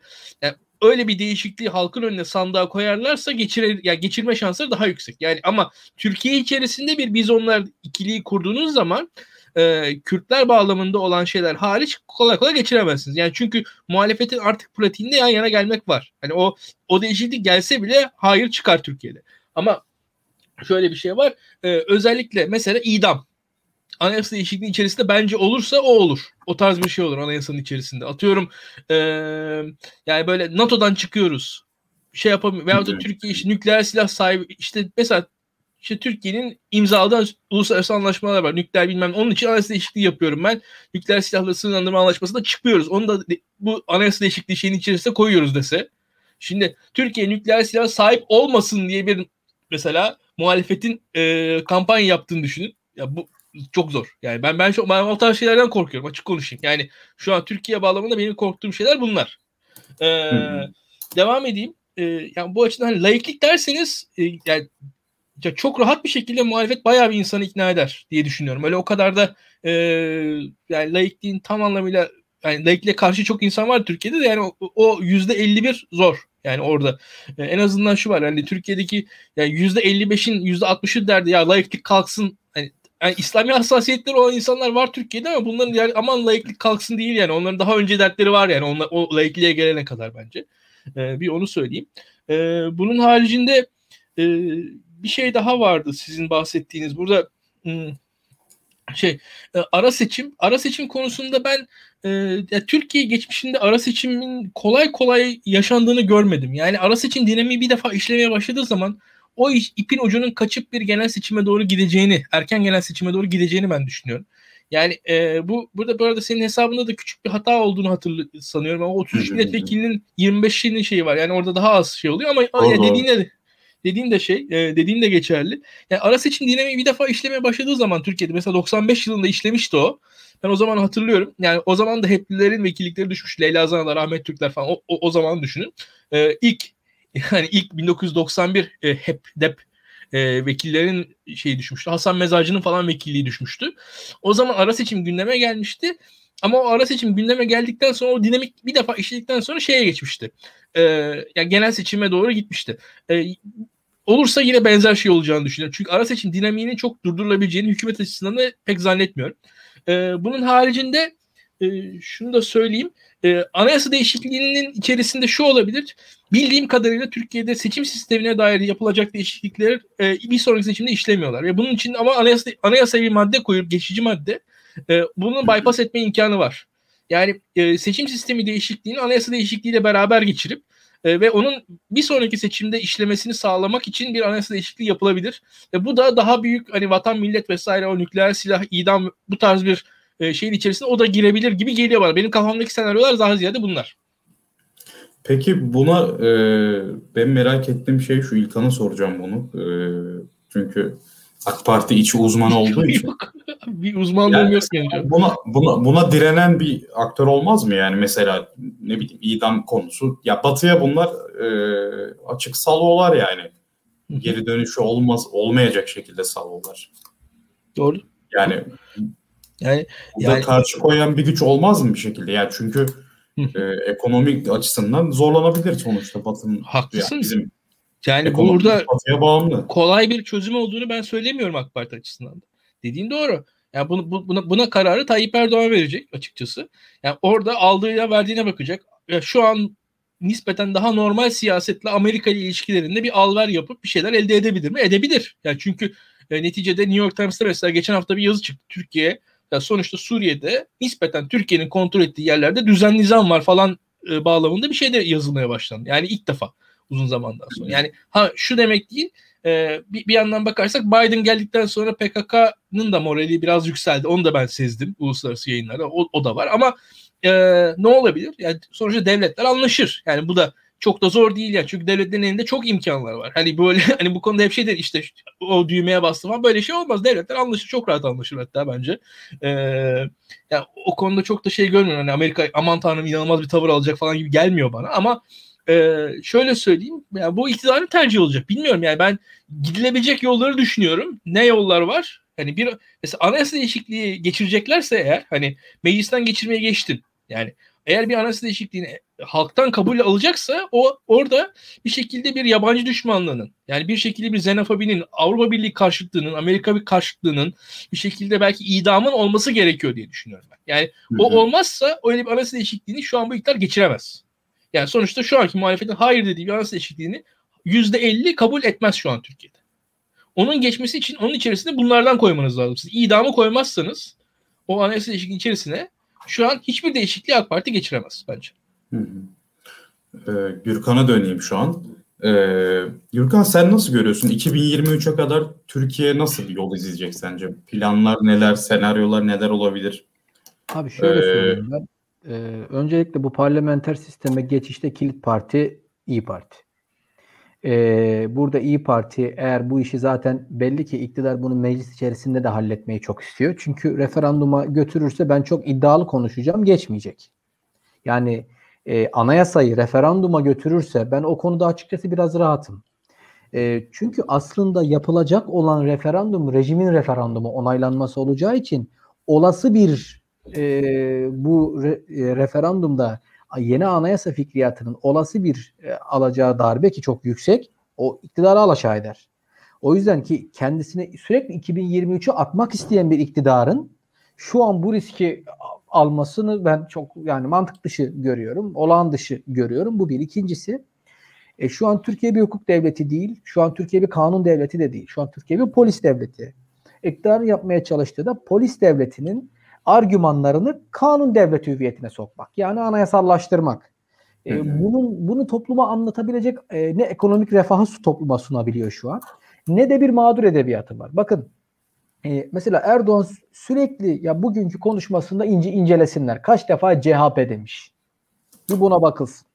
Hatta Erdoğan son bir yılda kaç defa CHP demiş. Buna bir bakılsın. İbretlik bir sonuç çıkacaktır. Ama şöyle bir durum var. Erdoğan havanda su dövüyor. Şu sebepten dolayı. Şimdi e, şöyle bir lüksü oldu e, AK Parti'nin. Aslında AK Parti çok edilgen bir partiydi en iyi döneminde. 2002-2010-12 arası. Çok edilgendi. Bütün tarihi kırılmaları ve AK Parti'nin sıçrama tahtalığını CHP yaptı.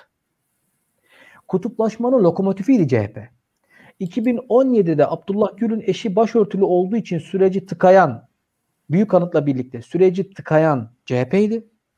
AK Parti'yi 35-34'lerden 50'ye fırlatan bu sebeple CHP'ydi.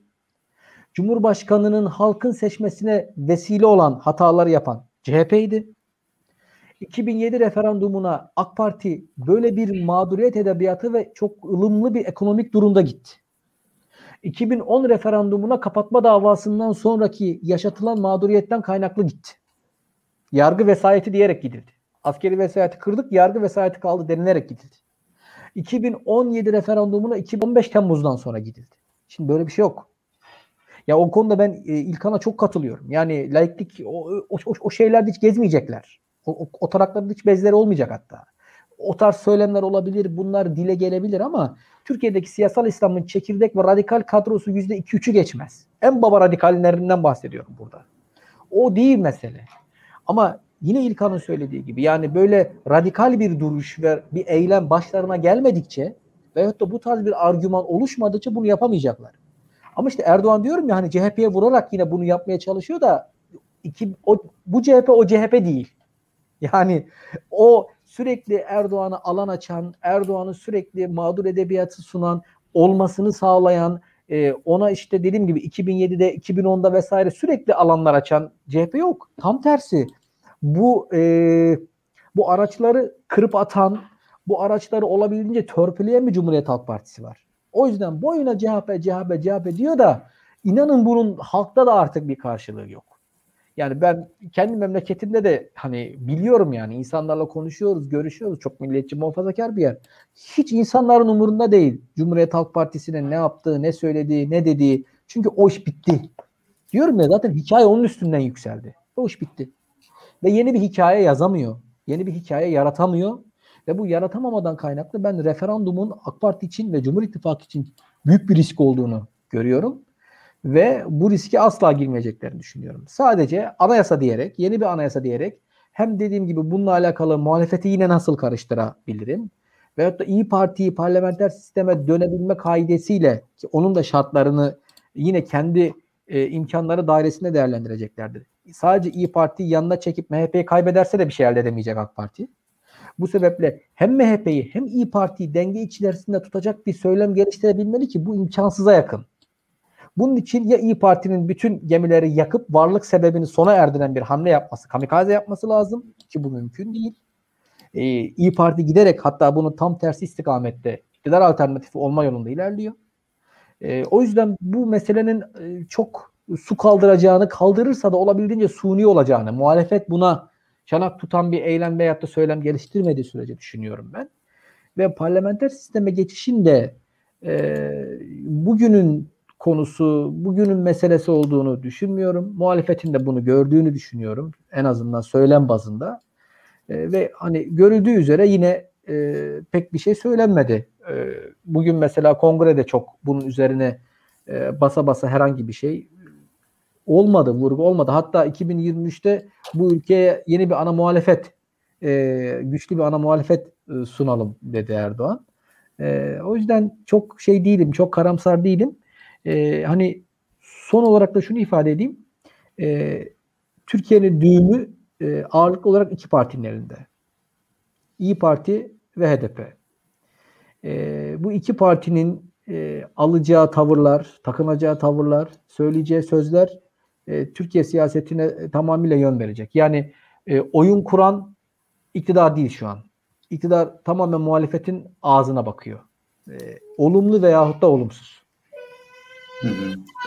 Ee, Kemal peki muhalefetin stratejisini konuşacak olursak tamam herkes bir araya gelsin falan. Okey. Ee, ama parlamenter sistem vaadi gerçekçi mi? Ee, çatı adayın profili nasıl olmalı? Neleri vaat etmeli? Ee, burada muhalefetin e, iktidarı ele geçirip demokrasiyi getirme senaryolarından da bahsedelim. E, bunu başka yayınlarla da daha yayınlarda da daha detaylı konuşalım. Burada bir girizgah olsun. E, neler söylersin bu konuda? Ee, burada sorun muhalefetin iktidara geldikten sonra mı uygulayacağı şey, iktidara gelmeden önce mi uygulayacağı şey? Aslında ikisi de. Yani çünkü e, güçlendirilmiş parlamenter sistem deniyor mesela.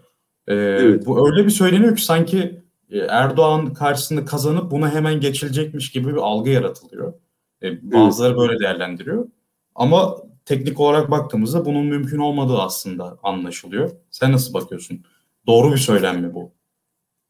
E doğru. Yani parlamenter sisteme geçilmesi gerektiğini düşünüyorum. Ama yani gerçekçi olmayı gerektirse şu an parlamenter sisteme geçmek için iyi bir dönem değil yani. Çünkü şöyle bir sorun var. E, şuradan gireyim. E, hatta en kötü senaryo e, en kötü senaryo demeyelim. Şimdi Türkiye için belki barışçıl bir ortam sağlayan bir argüman da çıkarabilir bazıları buradan. Ama Erdoğan'ın e, rejim içerisinde istediği değişiklikleri yapıp parlamenter bir sisteme kendi kendine döndürmesi yeniden olayı olabilir. Ben açıkçası eğer e, ülkenin e, genel e, yasal zeminini tartışacaksak, anayasal olabilir, yasa olabilir yani rejimin karakterini tartışacaksak öyle bir e, yetki rejime oluştu ki e, şu anki başkanlık sistemiyle e, çok hızlı bir şekilde dönüştürülebiliyor ülke. E, ve bunu yaptıktan sonra e, parlamenter sisteme geçerse dönüştürüp Erdoğan istediği şeyleri ya ondan sonra onu geri çevirmek çok zor olacaktır. Çünkü parlamenter sistem bildiğimiz gibi bir şeyleri geri çevirmenin daha zor olduğu, sürecin daha yavaş işlediği bir yer. Yani bu açıdan bakıldığında şöyle düşünüyorum. En kötüsü e, Erdoğan'ın istediklerini değiştirip ondan sonra da kitlemek için sistemi bu noktada parlamenter sisteme kendi şeyleriyle dönüş yapması olur. E, kendi e, koşullarında dönüş yapması ve bunu muhalefete teklif olarak sunması. Bence sunabilir. Mümkündür yani. ama muhalefete geri, döne, geri dönecek olursak ya muhalefetin buradaki en sağlıklı uygulayabileceği strateji başkanlık e, seçimi üzerinden gitmek. Yani seçimden hemen sonra ya da seçimden önce iktidarla anlaşıp parlamenter sisteme geçişten çok seçimden sonra e, başkanlığın alınması, ondan sonra da e, bu yetkilerin belli düzenleyici şekillerde kullanılıp rejimindeki yaratılan tahribatın, ülkede yaratılan kurumsal tahribatın onarılıp demokratik ilkelere uygun bir şekilde ve anayasal düzene uygun bir şekilde. Ondan sonra da parlamenter sisteme bir geçiş olması gerektiğini düşünüyorum. Burada açıkçası şeyin de olması gerektiğini düşünüyorum. Artık bundan sonra parlamenter bir sisteme geçilecekse mevcut anayasa yani e, folloş oldu diye düşünüyorum. Bir kere daha hani parlamenter sistemden başkanlığa, başkanlıktan parlamenter sisteme böyle oyun olmaz. Artık e, muhalefetin yeni bir anayasa yapması gerekecek kapsayıcı ve bütün toplumu bir araya getiren seçimden sonra kazanırsa. Bence görevi başkanlık süresini yürütürken bu adayın anayasa yapıcı bir rol üstlenebilecek, kapsayıcı bir kimliğe sahip bir başkan da olabilmesi, dönüştürücü bir başkan olabilmesi. İlk beş yılı muhalefetin bu challenge olacaktır. Tabii bir de ekonomi tarafı var, onu da konuşuruz. Ee, burada bir soru yönelteyim İlkan'a ama siz de düşünün. Ee, Şimdi dönüştürücü bir başkandan söz ettin. E, ama bir yandan da Türkiye'de baktığınızda e, askeri sanayinin e, güçlenmiş olduğunu, e, emniyetin, MIT'in, e, farklı güvenlik e, devlet kurumların, güvenlikle ilgili olanların güçlenmiş olduğunu ve e, neredeyse bir rejim inşa edildiğini ya da öyle gösterildiğini biz görüyoruz. Şimdi burada dönüştürücü başkan mı yoksa e, bu atanmış bürokratik yapılarla iyi geçinen e, daha yerli milli tırnak içinde böyle söyleyeyim. Öyle bir başkan adayı mı daha uygun bir strateji olur ya da e, rejim diye bahsettiğim şey belki de iktidar gittiğinde gidecek bir şey mi yani burada kalıcı bir şeyden mi bahsediyoruz yoksa kalıcı görünen bir şeyden mi bahsediyoruz ilk? Yani sorduğun soru zor açıkçası. Ee, birincisi Türkiye'de devletin kapasitesi artmış durumda belli açılardan. Yani e, bugün bakarsak e, işte emniyet mensuplarının sayısı, ellerindeki cihazların, ekipmanların e, içerikleri falan e, geçmişten bugün günümüze izleyelim. E, ciddi sayıda bir kapasite artışı var. Yani burada e, işte sosyal medyanın mesela kontrolü en basitinden biz kendi adıma ben Twitter'da 10 yıldır bulunuyorum. 10 yıl öncesinde biz burada herkes kafasına göre konuşuyordu. Veyahut da internette öyle e, sosyal medya sitelerinde herkesin her şeyi yazdığı ortam vardı. Ya yani bugün e, bakarsak e, ortalama bir Twitter kullanıcısı kahvehanedeki amcadan daha sansürlü konuşuyor şu anda. Yani biz aslında kahvehanedeki gibi sansürlü konuşmayacağız diye internete girdik 10 yıl 15 yıl önce 20 yıl önce. E, bugün bakarsak ya kahveye gidelim toplanalım daha rahat rahat konuşalım noktasına geldik. Herkes yani şu an Türkiye bu bir baskı bunun gücünü gösteriyor. Gerçekten böyle bir güç var. Hani hegemonik bir şekilde söylem dayatılabiliyor. Yarın e, bir anda dönüşüm değişim olacağına inanmıyorum ben Türkiye'de. Zor. Yani ha bu şu demek değil. Dönüşüm değişim olamaz demek anlamına gelmiyor ki dün nasıl olduysa yarın da öyle olabilir. Yani bir defa hani sandıkla Türkiye'de çok şey değişti. Yarın da değişir. Yani bu kadar da hani onu söylemek lazım. Yani Türkiye'de sandıkla neler değişti şimdiye kadar. Demek ki bugüne kadar değiştiği gibi yarın da değişir. Yani bunu görmek gerekiyor. Yani bu konuda e, yani bir şekilde sinik olmaya falan çok gerek yok. Fiili Türkiye'nin tecrübesi de var. Yani bugün e, Türk toplumu e, öyle ya da böyle 150 yıllık bir sandık tecrübesine sahip. Yerelde Tanzimat döneminden beri yapılan seçimlere bakarsak işte birinci meşrutiyet, ikinci meşrutiyet bir şekilde yani sopalı seçim deniyor, hileli seçim deniyor, hurra seçim, bir seçim. Yani bir defa seçim denen kavrama alışkın bir millet Türkiye'de. Hatta yani e, bugün az önce İspanya örneğini verdim. Ya İspanya'da 70'lerde falan diktatör vardı. Yani burada e, Türkiye'de iyi kötü e, bu, bugün İspanya doğru düzgün bir ülke. Yani İspanya dönüştü değişti. Ha burada şu önemli e, iç dinamik dış dinamik, ekonomik konjonktür düşünülmeli. Yani mesela İspanya nasıl değişti dönüştü? Avrupa Birliği dönüştükçe İspanya da dönüştürdü. İspanya da başka bir ekonomi haline geldi. Kendisi de dönüştü. Ha, Türkiye'nin de mesela biz hakikaten düşünmeliyiz. Burada e, yarının ekonomik, sosyal ve uluslararası konjonktür bağlamında yerlerini yani Türkiye-Rusya ilişkileri, Türkiye-Amerika ilişkileri, Avrupa Birliği ilişkileri, Fransa, Almanya, İngiltere tek tek ilişkileri, Arap dünyasıyla, İslam ülkeleriyle, Afrika ile ilişkilerini düşünmemiz lazım. Bu konuda muhalefette kapasitenin daha artması gerekiyor. O açık. Onu söyleyebilirim. Bu, bu zaten şeyde içeriyor. Senin bahsettiğin askeri endüstriyel kompleks meselesini içeriyor. Türkiye'de bu işlerin e, tartışılması, sınırlarının, limitlerinin yani mesela şöyle söyleyelim. Yani Türkiye'nin e, ordusunun güçlenmesi iyi midir? İyidir. Ama ya Türkiye'nin ordusunun güçlenmesi Türk, Türkiye'nin her şeyden her yerde daha mı iyidir? Yani acaba şöyle söyleyeyim. Yani hangi e, bir noktada ya Türkiye'nin mesela şu silahı yapması mı daha iyidir?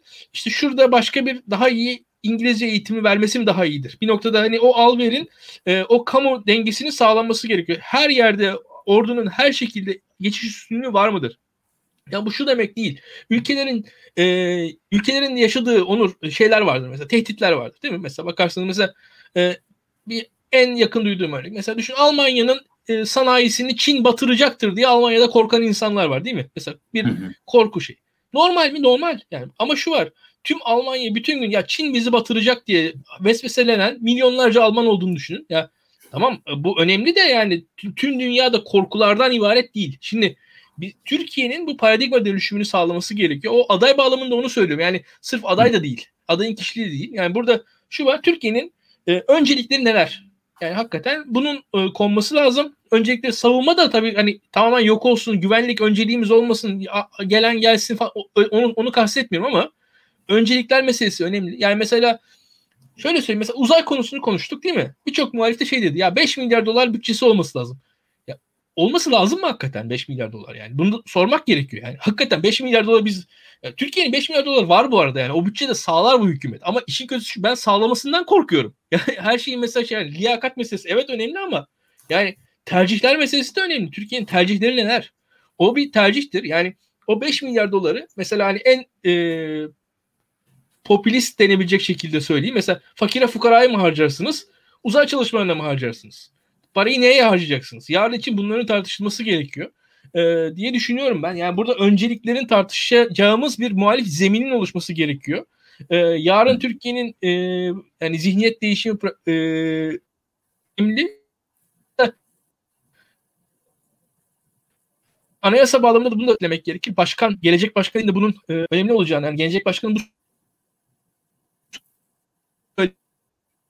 e, ordunun gücü, emniyetin gücü vesaire Türkiye'de kurumların güçleri olmuştur ama e, bu güçler mutlak güçler değildir. Türkiye'de bürokrat insanlar bunlar. Yani o, o insanlar dönüşler. Türkiye'de bakarsak bir yandan da ya son e, 15 yıl içerisinde bürokrasi 3 defa baştan aşağı değişti. Yani e, gelecek bir içerisinde de bir defa daha baştan aşağı değişip dönüşebileceğini ben öngörebiliyorum. Yani bu, bu çok da illa yani önemli. Bunu e, dikkate almayalım demiyorum. Bu önemli. Dikkat edilmesi gerekiyor. Çünkü şöyle bir şey var. Daha öncesinde mesela bürokrasinin nasıl kamikaze saldırıları oldu siyasal sisteme bakarsak tek tek hani 2006, 2007, 2010'lar böyle bakarsa bir kamikaze yine benzer şeyleri bir sonraki iktidarın e, beklemesi lazım.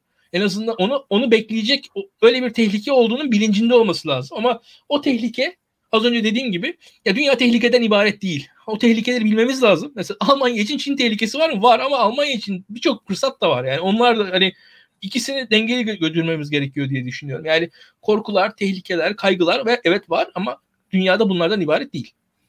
Hı hı. Ee, yavaştan artık e, veda etme faslına da geçelim. E, son sorularımı sorayım size. E, şimdi biz olması gerekenlerden bahsettik muhalefet için.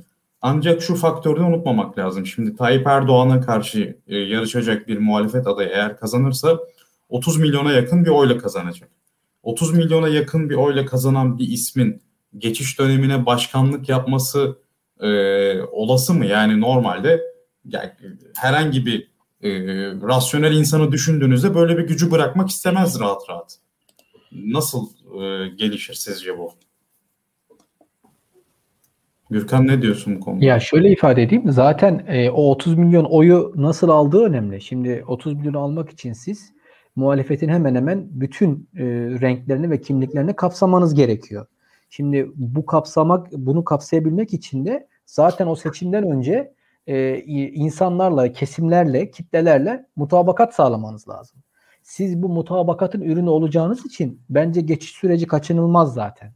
Ve e, hatta kurucu meclis hüviyetinde ismi bu olmasa bile kurucu meclis hüviyetinde bir yapı oluşacak. Ve şunu da ben mesela e, İlkan bir şey söyledi. Doğru bir şey aslında. E, kapasitesi arttı dedi devletin. Doğru ama bu e, iktidarın başarısı değil. Hani İlkan bunu söyledi diye demiyorum ama böyle bir algı oluşabilir dünyada devletlerin kapasitesi arttı. Yani do, e, do, dolaşan paranın bolluğu, e, işte istihbaratın bu sosyal medyanın güçlenmesiyle birlikte teknolojinin de ilerlemesiyle devletlerin imkanları arttı. Toplanan vergiler vesaire vesaire paranın çok fazla olması.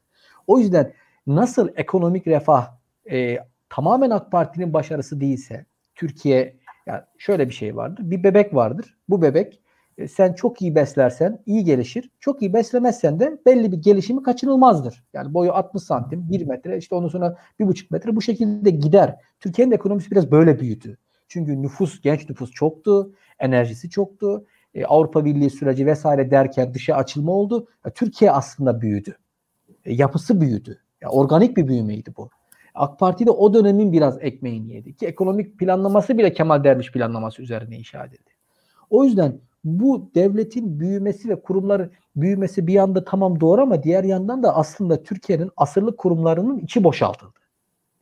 Yani bugün Merkez Bankası bile işlevselliği ağır bir darbe almışken işte eskiden bir e, devlet planlama teşkilatı vardı. Şu an yine hakeza BDDK'nın çok bir hüviyeti yok.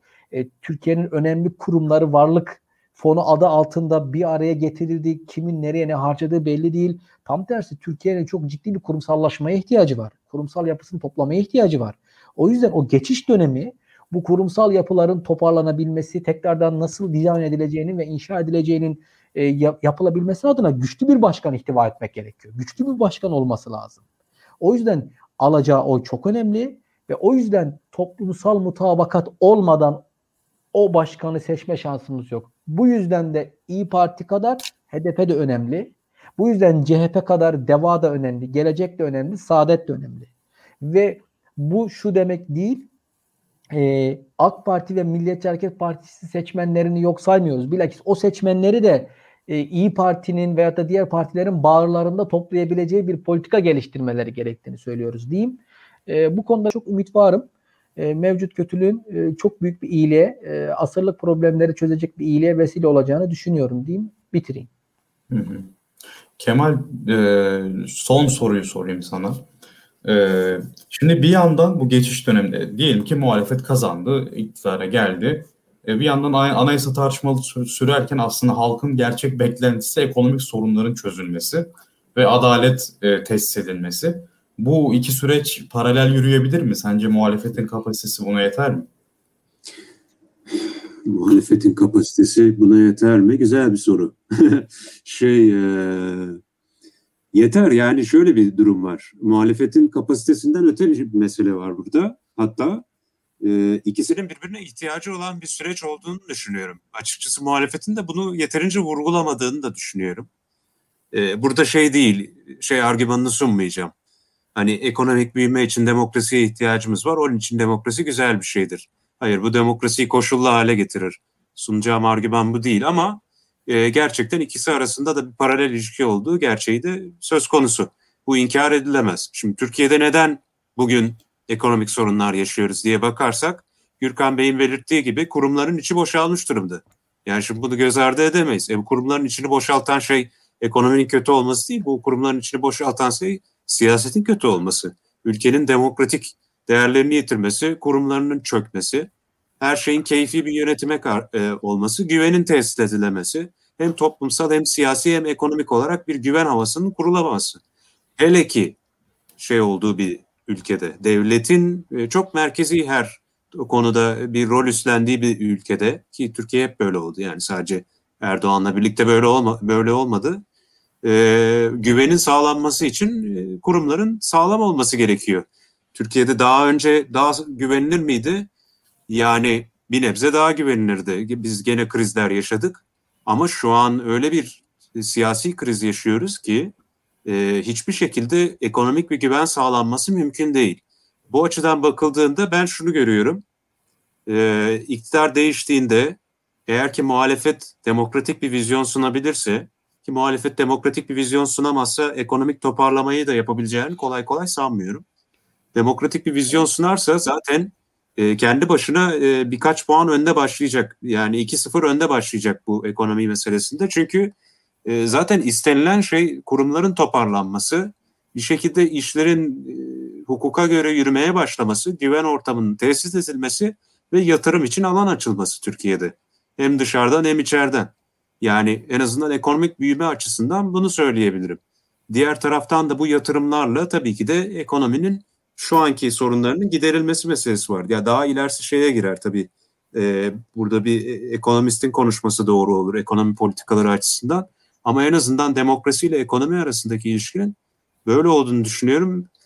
Ee, zaten şey yani burada da çok basit bir şey olacak belki ama e, Berat Albayrak'ı çektiler oradan borç sandalyede dolar düştü. Yani böyle olduğunu düşünürsek demek ki borç sandalyede dolar düşüyorsa demokratik bir ülkede neler olmayabilir diye optimist bir şey de söylemek mümkün diye düşünüyorum. Ee, yani bu reform paketi zaten siyasi reform paketi ekonomik de bir reform paketi demektir. Çünkü bugün ekonominin sorunlu olmasının sebebi şey değil yani e, sadece bizim e, ekonomik olarak yeterince iyi işte üretim planlarımız olmaması falan değil. Bunlar da var tabii ki de. Kalkınma planı sorunlarımız da vardır. Ama bundan öncelikli olarak ortada devlet yok adam gibi. Adam gibi demeyeyim şey oldu. Düzgün insan gibi devlet yok. Ee, ortada. Ee, böyle olduğu için yani kurumlar hiçbir şey olmadığı zaman mümkün değil. Burada son bir şey söyleyebilir miyim eğer vakit varsa? Tabii tabii. Ee, şunu söylemek istiyorum. Hep geçişin e, given olarak e, konuşuyoruz olacağını. İlkan'a bir ekleme yapmak istiyorum burada. Ee, şu, şu aklıma gelmişti. Geçişin nasıl olacağı e, bence bir sonraki gelecek süreci, bence değil bir sonraki gelecek süreci etkileyecektir. Yani önemli olan geçişin nasıl olacağı da her şeyden öte. Yani bir sonraki süreci konuşurken geçişin nasıl olacağını da konuşmakta yarar olduğunu düşünüyorum. Soft bir geçiş olacaksa, eğer yani e, iktidar tarafından siyasi elitlerle iletişim kurulduğu ve bir şekilde bir mutabakata varıldığı bir geçiş olacaksa, e, çünkü İlkan ikisinden de bahsetti biraz. İspanya örneğini verdi. Birazcık daha orada soft bir geçiş oldu. Yani tabii orada Franco öldü. O ayrı bir konu. Yani artık yaşlanmıştı. Onun için bazı şeyler daha e, kendiliğinden gelişti. E, ya da bir hard geçiş ihtimali var. Şimdi ben şöyle düşünüyorum. Soft geçiş ihtimalinde ya bunu söylemeden çıkmak istemiyorum bu programdan çünkü. Soft geçiş ihtimalinde İlkan'ın dediğinin doğru olduğunu düşünüyorum. Çok kolay değişmeyebilir bugünkü şeyin. E, Türkiye'deki bu kurulan bürokratik yapının. Ama hard bir geçişte çok hızlı bir çöküş olabilir yani şu anki bürokratik yapıda. Bu e, iktidarın nasıl davranacağına kalmış gibi gözüküyor. Ama ben açıkçası e, bunun e, çok da e, yavana atılmaması gerektiğini düşünüyorum. Çünkü köşeye sıkışan ve yıllardır iktidarda olan ve böyle bir ideolojik yaklaşımı olan bir iktidarın e, çoğu rejim gibi giderken radikalleştiğini göz önünde bulundurmak gerekir diye düşünüyorum. Eğer bu soft hard geçişi üzerine de bir tartışma döndürmek mümkünse güzel bir tartışma olabilir bu. Onu da eklemeden ekledik, bitireyim. Bunu bunu yeni bir yayında artık tartışırız. Ee, ağzınıza sağlık. Çok teşekkür ederiz ee, Gürkan ve Kemal. Ee, davetinizi. Ben teşekkür ederim. Davet ettiğiniz için. Ee, yorumlarınızı, beğenilerinizi unutmayın. Yayını paylaşın mutlaka. Bizi izlediğiniz için çok teşekkür ederiz. Sabrettiğiniz için. Ee, iyi akşamlar diliyorum. İlkan var mı söylemek istediğim bir şey? Yeterli. Ya, Kemal'in söylediklerine daha fazla bir şey eklemeye gerek yok. O manşeti verdi zaten bize. Aynen. İyi akşamlar. İyi akşamlar.